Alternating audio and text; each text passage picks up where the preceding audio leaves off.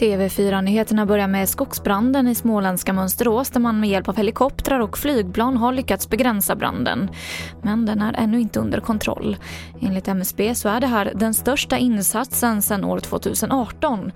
Och det här märks enligt vår reporter Mikael Nilsson som är på plats åtta helikoptrar från MSB, likaså eh, eh, vattenplan som bombar, likaså också Försvarsmakten samt ett mycket stort antal räddningsenheter från hela Sydsverige som deltar i denna omfattande skogsbrand som förväntas brinna av först om flera dagar, kanske upp till några veckor. Idag håller regeringen ett extra regeringssammanträde för att hantera flera ärenden ifall statsminister Stefan Löfven tvingas avgå efter misstroendeomröstning imorgon.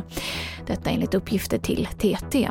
Om statsministern tvingas avgå så leds Sverige av en övergångsregering med begränsad befogenhet att ta beslut till dess att en ny regering är på plats.